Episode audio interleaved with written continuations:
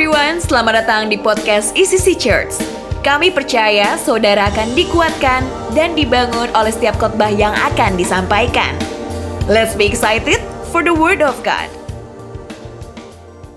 Wow. So, coba bilang kiri kanannya, Tuhan Yesus berkuasa. Yeah. Yes. Mari saudara, seperti yang Pastor Arlian tadi bilang, hari ini kan saya akan share dengan judul El Shaddai. Berapa banyak saudara yang tahu kepanjangan ICC? Ya. Sekarang ini orang suka sebut gereja kita ICC, ICC, ICC. But nggak kepanjangannya ICC apa? ICC kepanjangannya adalah El Shaddai, Creative Community. Kenapa El Shaddai? Karena inilah Tuhan yang kita sembah. Kenapa kreatif? Karena kita harus bisa sekreatif mungkin menjangkau generasi ini. Dan membapai mereka supaya mereka jadi muridnya Yesus. So, hari ini saya mau share dengan judul El Shaddai. Katakan sama-sama El Shaddai. Kapan nama Tuhan dan dia menamakan dirinya El Shaddai ini muncul? Ya. Di Alkitab kita, pertama kali Tuhan menyebut dirinya sebagai El Shaddai ada di kitab Kejadian pasal 17. Kejadian 17 ayat pertama dan kedua. Ayatnya berkata begini, ketika Abram berumur 99 tahun, maka Tuhan menampakkan diri kepada Abram dan berfirman padanya, Akulah Allah yang maha kuasa. Hiduplah di hadapanku dengan tidak bercela, aku akan mengadakan perjanjian antara aku dan engkau, dan aku akan membuat engkau sangat banyak. So, Tuhan muncul di hadapan Abram, menampakkan diri pada Abram, dan dia memperkenalkan dirinya, akulah Allah yang maha kuasa. Kenapa Tuhan langsung muncul dan bilang, akulah Allah yang maha kuasa? Karena dia muncul di situasi yang mustahil bagi Abram. Apa situasi yang dihadapi Abram? Abram berumur 99 tahun dan istrinya Sarah berumur 90. Apa problem mereka? Mereka nggak punya keturunan, mereka nggak punya anak. So, berarti semua yang ada pada Abram, harta milik dan lain-lain, itu akan diserahkan pada Eliezer, bujangnya. Jadi ketika Tuhan muncul, dia nomor satu dia bilang, akulah Tuhan yang maha kuasa. Nah, Kenapa dia harus bilang Allah yang maha kuasa ini, Tuhan yang maha kuasa ini kepada Abram? Karena Abram menghadapi situasi yang tidak mungkin. Sangat tidak mungkin bagi seorang umur 99 tahun dan istrinya umur 90 melahirkan anak. Semua saudara tahu. Berapa banyak di ruangan ini yang sudah menikah? Berapa banyak sudah menikah dan punya anak? Tahu kan repotnya, oh sisanya single, serius? Kenapa sih kita penuh banget ya? Nah, sedangkan tahu rasanya melahirkan dan membesarkan anak. Repotnya kayak apa? Apalagi di umur 99. Jangankan membesarkan, yang ngelahirinnya itu yang paling gak mungkin. Ngelahirinnya. Makanya ditulis di kejadian 17 ayat 17. Setelah Tuhan ngomong begini sama Abram, Lalu tertunduklah Abraham dan tertawa serta berkata dalam hatinya, mungkinkah bagi seorang yang berumur 100 tahun dilahirkan seorang anak dan mungkinkah Sarah yang telah berumur 90 tahun itu melahirkan seorang anak? Ya. Abram 99 menjelang 100 dan Sarahnya berumur 90 tahun. Ketika saya membahas hal ini sama istri saya, Kak Evi bilang begini, iya saya. Dan itu pun berarti Abram itu harus membuahi Sarah. Nah ini juga udah masalah sendiri. Abram umur berapa? 100. Sudah bisa bayangkan nggak pria umur 100 harus membuahi seorang perempuan umur 90. Wah itu segala macam urusan itu. Wah segala obat kuat mesti dimakan itu di situ. Ini ini ini kan semua udah menikah, eh, sebagian besar udah menikah pahamlah soal ini. Ya, mungkin Sarah berulang-ulang meng menghibur Abram. Tenang sayang, besok kita coba lagi. Karena mungkin susah bagi seorang pria umur 100 membuahi istrinya umur 90. How come? Gimana ini? Tapi Tuhan bilang, aku Allah yang maha kuasa. Dan kalau nanti ternyata Sarah mengandung dan melahirkan Ishak, itu benar-benar mujizat Tuhan yang luar biasa. Ada amin saudara. Saudara harus tahu, aminnya kecil, nah ini saya perlu khotbah lebih banyak supaya saudara tahu betapa dahsyatnya Tuhan kita. Tuhan kita itu adalah Tuhan yang disebut dengan God of all possibility. Apa maksudnya God of all possibility? Artinya semua yang impossible bisa jadi possible sama dia. Termasuk seorang perempuan umur 90 melahirkan seorang anak, mengandung dan melahirkan. Dan berarti juga seorang pria umur 100 membuahi seorang perempuan umur 90. He's God of all possibility. Nah, sudah tahu, dia berkuasa atas alam semesta. Termasuk kita ciptaannya. Mazmur 74 ayat 13 bilang begini. Engkaulah yang membelah laut dengan kekuatanmu. Yang memecahkan kepala ular-ular naga di atas muka air. Engkau membelah laut dengan kekuatanmu. Pernah Tuhan buat? Pernah. Waktu bangsa Israel keluar dari tanah Mesir, mereka berhadapan dengan laut uh, Teberau. So, apa yang Tuhan buat? Musa waktu mimpin bangsa Israel, Tuhan bilang lemparkan tongkatmu. Dan begitu tongkat dilempar, lautnya terbelah. 6 juta bangsa Israel melintasi tanah kering dan air di sebelah kiri kanan mereka. Banyak orang meragukan cerita, kisah ini dan mereka bilang, ah itu itu kan ceritanya Musa aja. No, no, no, no, no. Hari ini, karena teknologi udah memungkinkan, sekarang di dasar Laut Teberau, ditemukan sisa-sisa kereta perang Mesir. Dan tulang belulang serta senjata di era Musa dan Firaun. Dengan kata lain, kejadian ini benar adanya. Tapi gimana laut bisa dibelah, air dibelah? Itu nggak mungkin secara ilmu fisika nggak bisa ini dibuat. Coba di rumah saudara di kolam berenang atau di, di kamar mandi, coba belah-belah air gitu loh. Gak bisa, gak bisa, tapi Tuhan bisa. Kenapa? Karena He is God of all possibility. Camkan itu. Kalau dia bisa belah laut, apa susahnya buat dia untuk urus bisnismu yang udah gak ada harapan itu dan lain-lain. Kalau dia bisa belah laut, apalagi berapa besar Tuhan kita? Oke. Okay. Yesaya 66 ayat 1 bilang begini. Beginilah firman Tuhan, langit adalah tahtaku dan bumi adalah tumpuan kakiku. Rumah apakah yang akan kamu dirikan bagiku dan tempat apakah yang akan menjadi perhentianku? Langit adalah tahtaku jadi kalau saudara mandang ke langit itu tahtanya Tuhan. Bumi ini cuma dibilang tumpuan kaki. Artinya ini kakinya Tuhan di bumi. Sudah bisa bayangkan bumi tempat kita tinggal sebesar ini itu cuma injekannya Tuhan. Itulah Tuhan sebesar itu. So itulah Tuhan yang dari tadi kau, kau, kau sembah dan kau katakan Your Almighty God. Dan kita kenal namanya Yesus. Itu sebesar ini. Oke. Jadi secara ilmu astronomi juga ada dibilang, iya langit itu cuma tahtanya Tuhan. Langit itu tahtanya Tuhan. Kemarin anak saya Gidi, dia kasih lihat, Dedi, Dedi lihat. Ini katanya ditemukan lagi planet yang yang lebih jauh lagi daripada matahari. Ditemukan lagi gini. Oh iya, teknologi bisa buat itu. Tapi itu cuma menyadarkan saya bahwa ayat ini benar. Tahtanya Tuhan even bigger than apa yang kita bisa lihat hari ini. Tuhan kita jauh lebih besar daripada yang kita bisa pikir. Nah, kebesaran dia itu membuat dia menjadi sangat maha kuasa. Saya boleh ceritain betapa ajaibnya Tuhan. Hari Minggu kemarin, saya khotbah di Jakarta. Istri saya Kak Evi uh, udah hampir seminggu ada di Makassar karena dia ada kongres dokter gigi. So, dia akan pulang ke Bandung, saya akan pulang ke Bandung, tapi beberapa hari sebelum uh, itu kita putuskan nggak, kita kayaknya nggak ke Bandung. Dari Makassar dia ganti tiket, dia terbang ke, ke Surabaya. Saya dari Jakarta beli tiket ke Surabaya. Ngapain kita ke Surabaya? Kita ke Surabaya karena kita mau ke Kediri.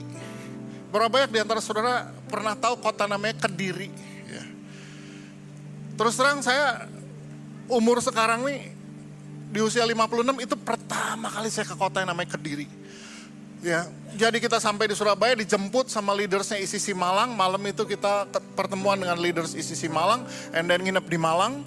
Kemudian besok pagi kita diantar ke Kediri. Ngapain? Karena di Kediri ada anak dari seorang zone leader kita, Ibu Mediana yang dipanggil dengan sebutan Bunda, itu mengalami kecelakaan di kota Kediri. So kita Kediri untuk berdoa dan menengok anaknya Bunda yang namanya Leo Renanto. Bunda adalah zone leader di area 1, Profam. Yap. So, apa yang terjadi dengan Leo? Dia kecelakaan. Kecelakaannya sedemikian berat, kepalanya menghantam beton pinggir jalan di pinggir dan dan tulang tengkorak dia sepotong itu begitu remuknya sampai nggak bisa dipasang lagi. So you can you imagine? Ini tinggal kulit dan otak di sini. Dan tentunya dengan kecelakaan seberat ini dia koma. Dan dia udah koma seminggu. Dia udah koma seminggu. Alat pernafasan udah dipasang, tapi nggak menolong juga sampai akhirnya leher dilubangi. Leher dilubangi, dimasukin selang untuk pernafasan. Ayo. So saya dengar begini, makanya saya dan istri bilang, cepat kita ke Kediri, tapi objektif kita adalah kita kuatin Ibu Mediana. Kita doakan dia, kuatin dia, kita support dia aja pokoknya. Karena kalau kita pikirin Leonya, kita udah gak bisa berpikir. Koma udah seminggu, ini tulang tengkorak remuk sebagian, udah gak bisa dipasang, berarti dia akan hidup entah nanti bagaimana ini. Kulit dan otak, kepala itu tinggal kulit, kepala dan otak.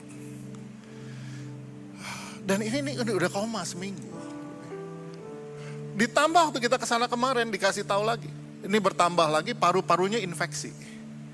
Kenapa paru-paru infeksi? Karena iya iya ruang ICU di sana, iya iya itulah adanya. Sepatu nggak usah dibuka, kita juga nggak ada baju pelapis kayak kalau di sini kita masuk ICU, ya itu adanya. So how? Ya udah kita berdoa aja deh.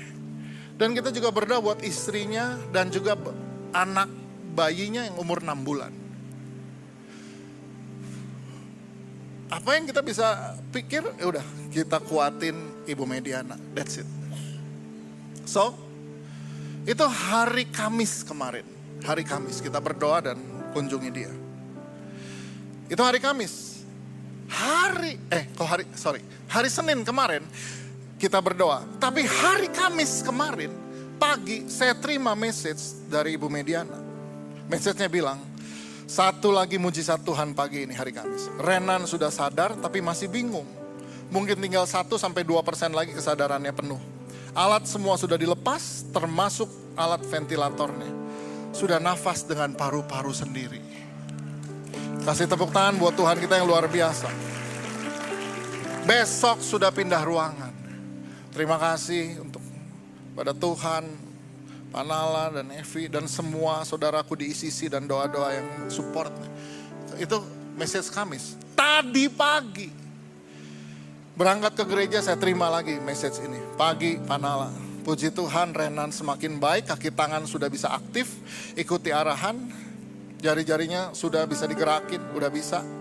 Kemarin dokter bilang, eh, dokter bilang dan perawat juga bilang ini mujizat bisa secepat ini. Mengingat waktu datang kesadarannya hanya satu persen. Sampai dokternya bilang kita berusaha ya berdoa saja karena resiko kematiannya yang besar. Terus terang kalau dokter mikir gitu ya apalagi saya. Tapi hari ini, ini message-nya. Dokter dan perawat berkata ini mujizat. How come? Didoain Senin, Kamis semua alat dilepas, pagi ini bisa digerakin semuanya. Saudara, kenapa bisa begini? Because He is Almighty God. Tuhan di atas segala ketidakmungkinan. God of all possibility. Saudara, kalau Tuhan bisa bikin keadaan begitu jadi begini, itulah Tuhan. Yang dokter juga nggak ngerti kenapa bisa begini. Dan puji Tuhan ini boleh menjadi kesaksian buat dokter dan perawat di sana. Ya. Dan dan saudara tahu, ini luar biasa apa yang Tuhan kerjakan di sana. Jadi, makanya kalau saudara lihat yang begini, berapa banyak di antara saudara ingin mengalami Tuhan yang berkuasa ini. Saudara ingin dia mengalami Tuhan yang berkuasa dalam hidupmu? Jangan cuma tahu bahwa Tuhan berkuasa, alami juga kuasa itu Tuhan. Saya lihat yang begini, iya dia bisa bikin begini loh. Dia bisa loh bikin begini.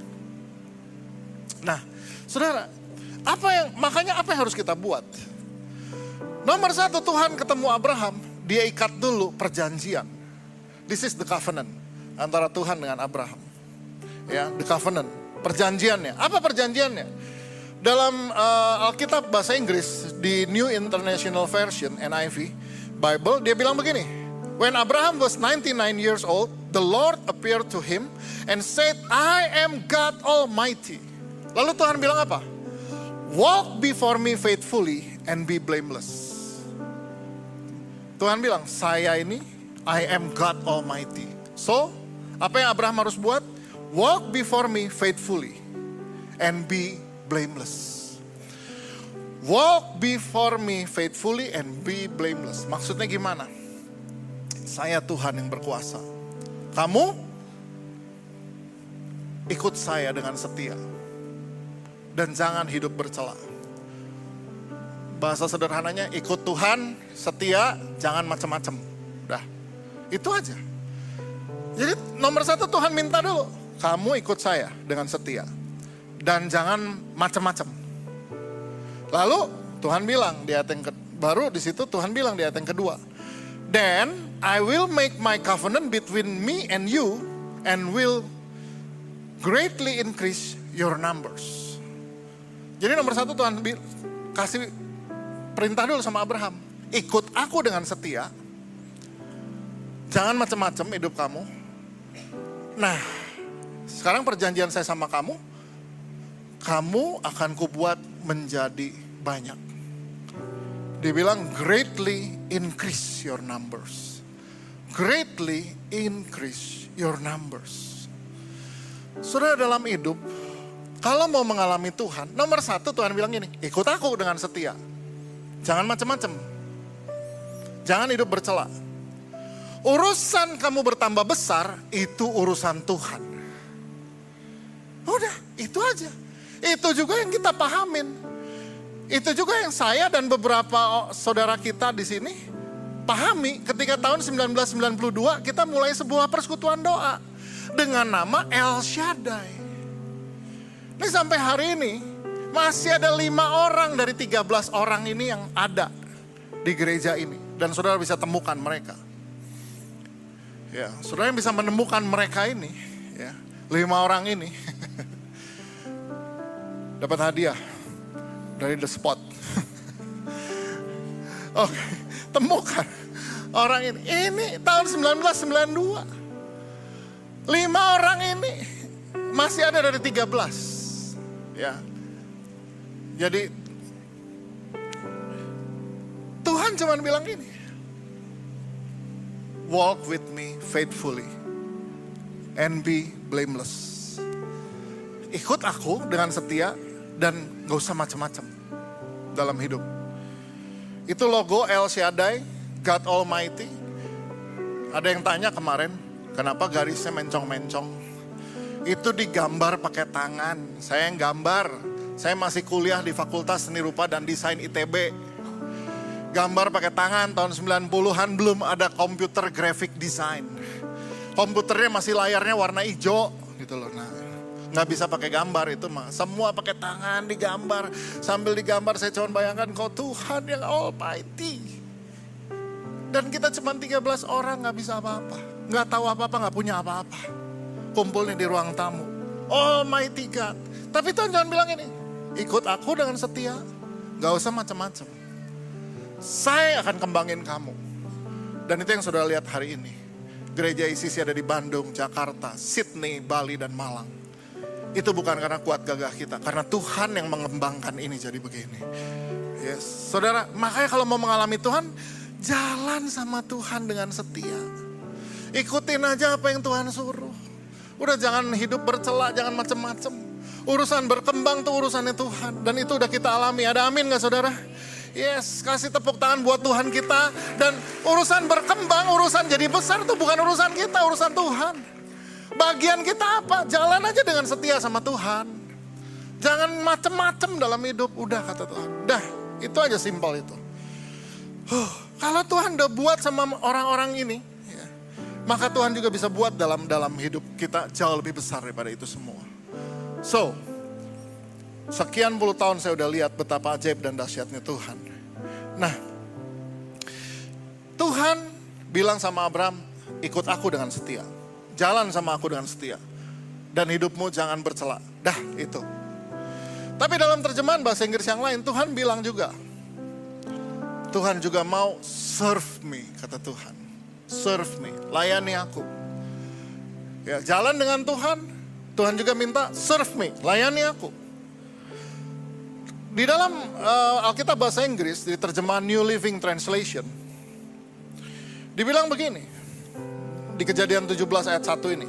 When Abraham was 99 years old, the Lord appeared to him and said, I am El Shaddai, God Almighty.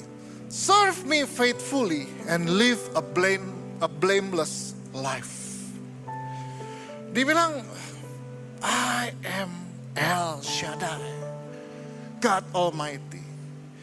Serve me faithfully and live a blameless life. Orang kan suka nanya gini, uh, saya suka ditanya loh sama banyak uh, pemimpin gereja lain, kenapa di ICC banyak yang mau jadi volunteers? Ya terus terang ya saya harus bilang sama saudara, Tuhan tuh minta nggak hanya kita ikut, tapi juga layani Tuhan. Kalau dia raja, ya kita layani raja kita. Siapa dia? Yesus namanya. Tuhan bilang layani aku faithfully. Layani aku dengan setia.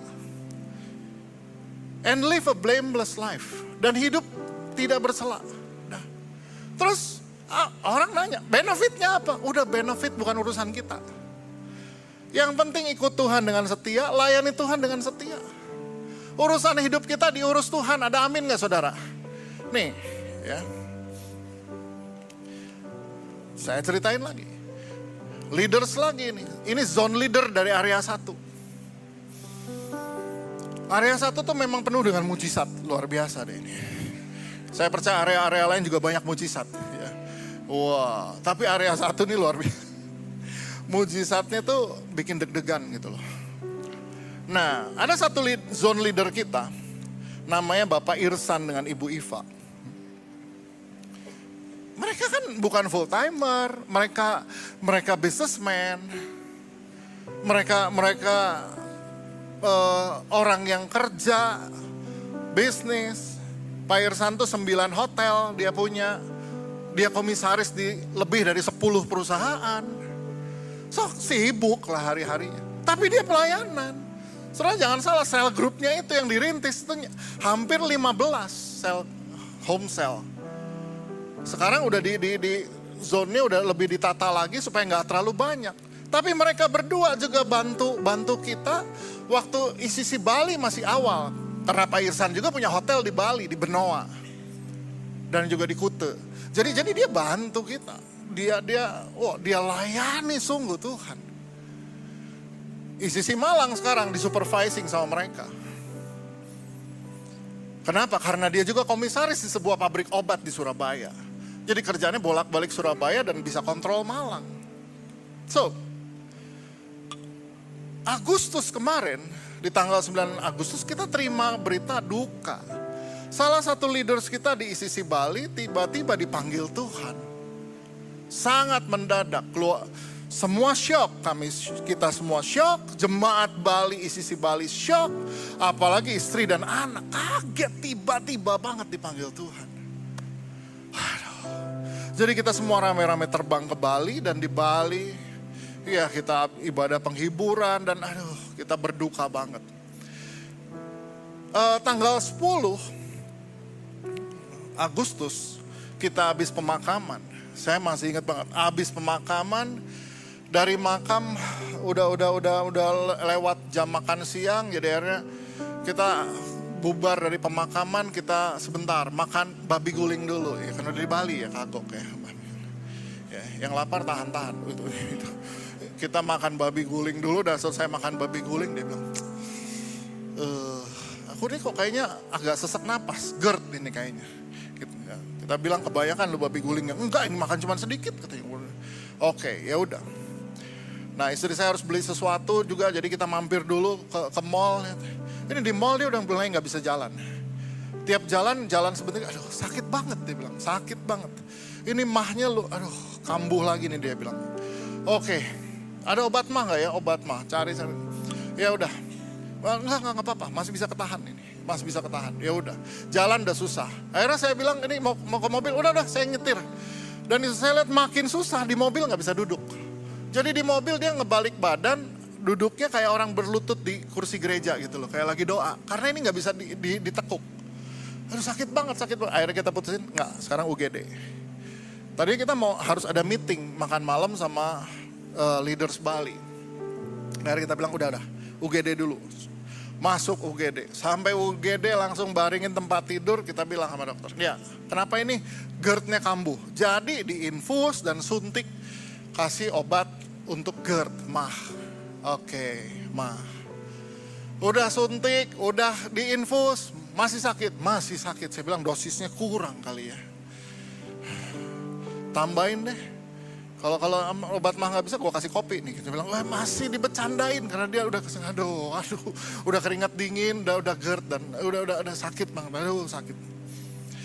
Cuma di tengah-tengah begitu istri saya yang punya feeling, ada feeling. Terus bilang ke dokter, coba dicek EKG jantung. Wah enggak lah ini urusannya mah kok jadi ke jantung-jantung semua. Enggak, enggak, enggak macam mah doang kok gini-gini. Enggak, coba cek EKG. Begitu di EKG ketahuan jantungnya udah tinggal sebelah yang mompa. Ini bukan mah, ini jantung. Besok pagi dia terbang Jakarta langsung masuk rumah sakit jantung. Dan di, di, dilihat blokir 100% dan 90%. Sudah bayangin ada jantung yang udah keblokir 100% dan 90%. Jadi pertanyaan semuanya adalah kok hidup? Sudah bisa bayangin? Ini kalau blok begini, ini keluar orang sudah. Tapi dokter bilang ini aneh ya, di jantungnya ditemukan serabut-serabut kecil yang menyuplai darah ke ke ini jantung. Serabut kecil, pembuluh darah kecil yang menyuplai darah ke jantung, biasanya hanya terdapat di atlet. Karena atlet sering memacu jantung sampai 100%. Jadi tumbuh serabut-serabut kecil yang suplai darah ke jantung. Lah pertanyaannya Bapak Irsan ini bukan atlet. Satu-satunya olahraga yang dia buat adalah catur dan Instagram. Udah itu. So, kenapa bisa ada serabut kecil itu? Jadi dokter ambil keputusan segera di stand, di ring. Sampai ada satu yang ringnya panjang banget. Dari yang jalurnya nggak ada sekarang jadi ada jalur. Jadi sekarang jantungnya sehat, normal kembali. Tapi pertanyaan semua orang adalah, kenapa dia hidup? Karena seharusnya di Bali itu kita juga bisa jadi tutup peti lagi.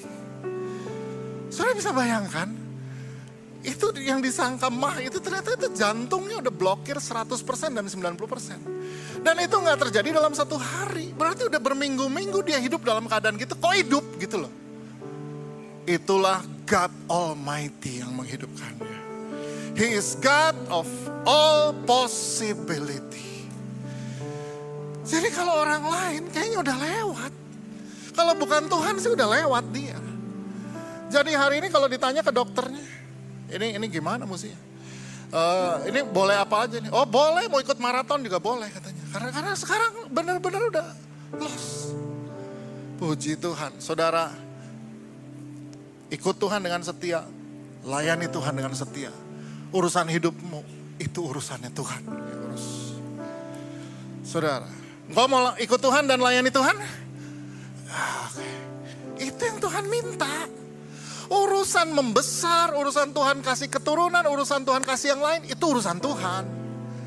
Kita nih sering kali Tuhan kasih ini, kata Tuhan ikut aku, layani aku. Urusan yang lain itu urusan saya.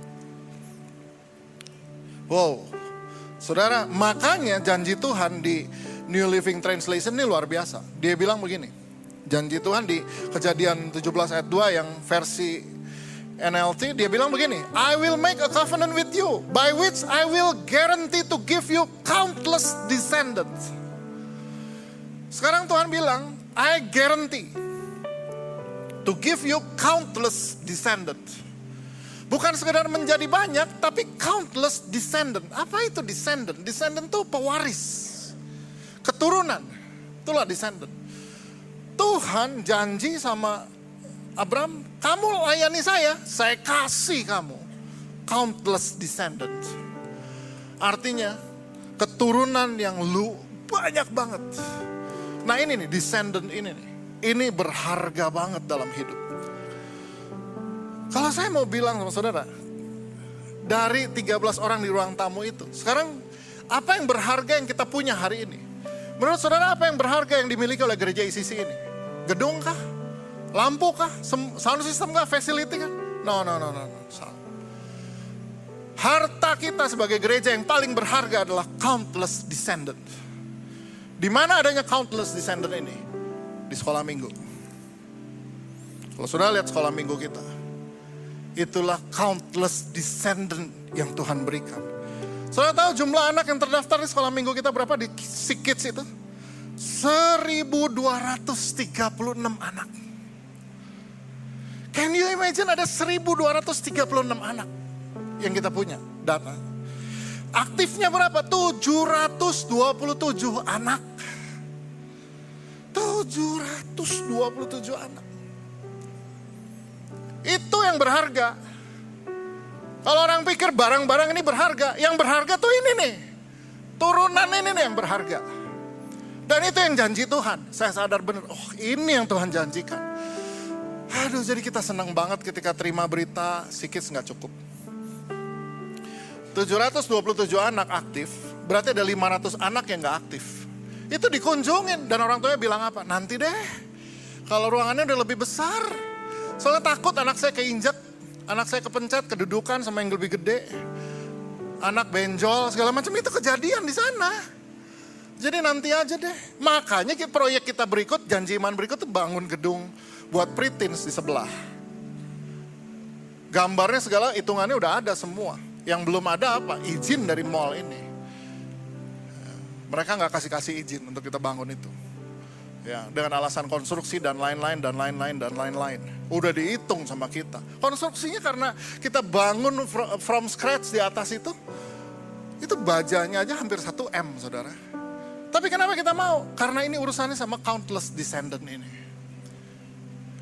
So untuk mengatasi semua hiruk pikuknya di sana akhirnya hari ini per minggu ini Hello Hub di sana dipakai sama preteens 8 sampai 10 tahun sekarang di ruang kaca di sana Hello Hub Hello up ke mana? Pindah ke belakang.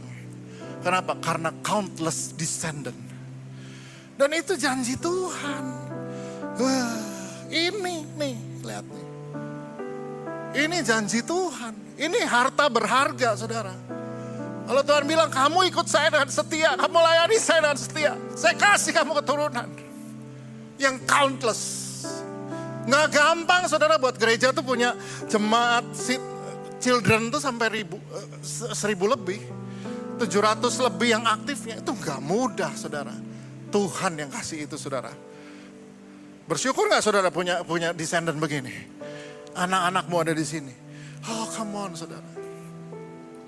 Ini yang luar biasa dari Tuhan kita. Makanya saya semakin yakin, oh udah deh jalanin aja yang Tuhan suruh. Layani Tuhan dengan setia. Urusan membesar, urusan Tuhan berkati apa enggak, itu urusan Tuhan. Dan yakinlah dia Tuhan yang tidak pernah berhutang sama siapa pun. Ada amin saudara. Kasih tepuk tangan buat Tuhan yang ajaib dan luar biasa. Yang bisa di atas segala ketidakmungkinan.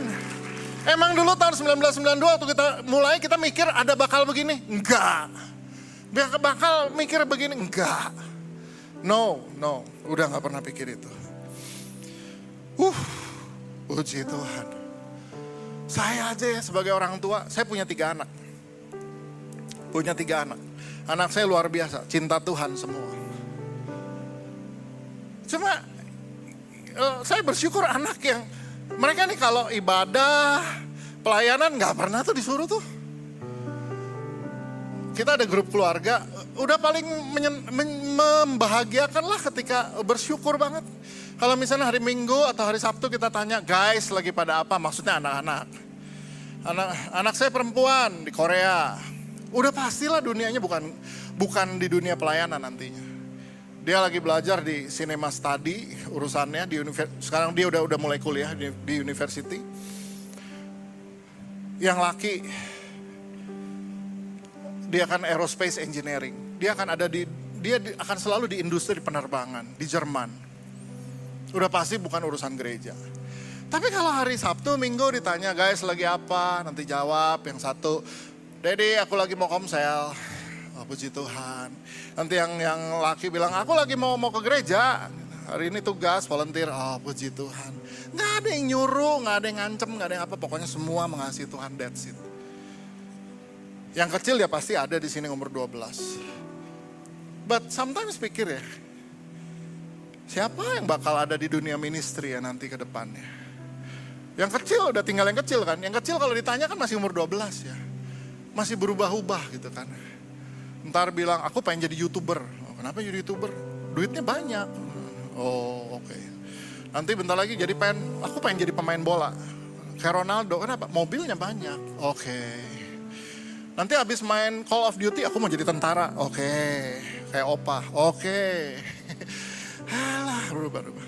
Tapi hari Minggu kemarin, tiba-tiba saya terima message dari dia hari Minggu.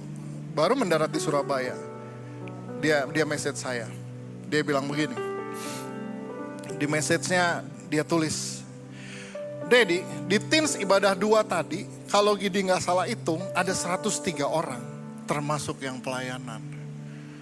Mungkin ini message biasa, tapi buat saya, saya tertegun baca ini. Saya bilang sama istri saya, saya terus terang gue baca ini terharu. Kenapa? Ini anak berarti ada ada perhatian sama, wow banyak ya teens ya, terus dia hitung-hitungin gitu loh. Gak ada nyuruh dia ngitung, tapi dia excited ini banyak ini teens. So, dan profile picture dia itu tuh. Lagi didoain Pastor Floyd. So, saya cuman aminkan aja, amin, amin jadi lu, amin gitu loh. Udah, amin jadi lu. Aduh. Saudara, why? This is the, my descendants. Termasuk yang dua itu yang besar. Aduh puji Tuhan, saudara kalau anak-anak di dalam Tuhan ada amin gak saudara? Apa yang bisa bikin kita menangis siang dan malam adalah kalau anak-anak jauh dari Tuhan. Anak-anak gak kenal Tuhan. Sekaya apa pun gak kenal Tuhan binasa. Aduh saudara. Tapi Tuhan cuma minta sama Abraham. Dan itu juga yang Tuhan minta sama kita. Walk faithfully. Ikut aku dengan setia. Serve me faithfully. Layani aku dengan setia. So urusan hidup kita menjadi besar urusan bisnismu, urusan keturunanmu. Tuhan bilang, I promise you. I guarantee, Tuhan bilang. Tapi diperlukan walk with me and serve me faithfully. And live a blameless life. Jangan neko-neko hidup, udah lurus-lurus aja sesuai firman. Lempeng aja sesuai firman. Ah, berapa banyak di antara saudara yang sekarang tahu diberkati dengan message ini dia Tuhan yang berkuasa. Kalau saudara lagi-lagi buntu, saudara udah lagi sesek di dalam, lihat aja ke langit. Tahta dia di situ. Itu tahtanya. Lihat aja ke langit. Kah, aku nggak tahu lagi gimana. Dan dia God of all possibility. I am El Shaddai. Saya percaya ini pesan yang khusus buat setiap kita yang mendengarkan. We pray that this message will bless you and build you. See you at the next podcast.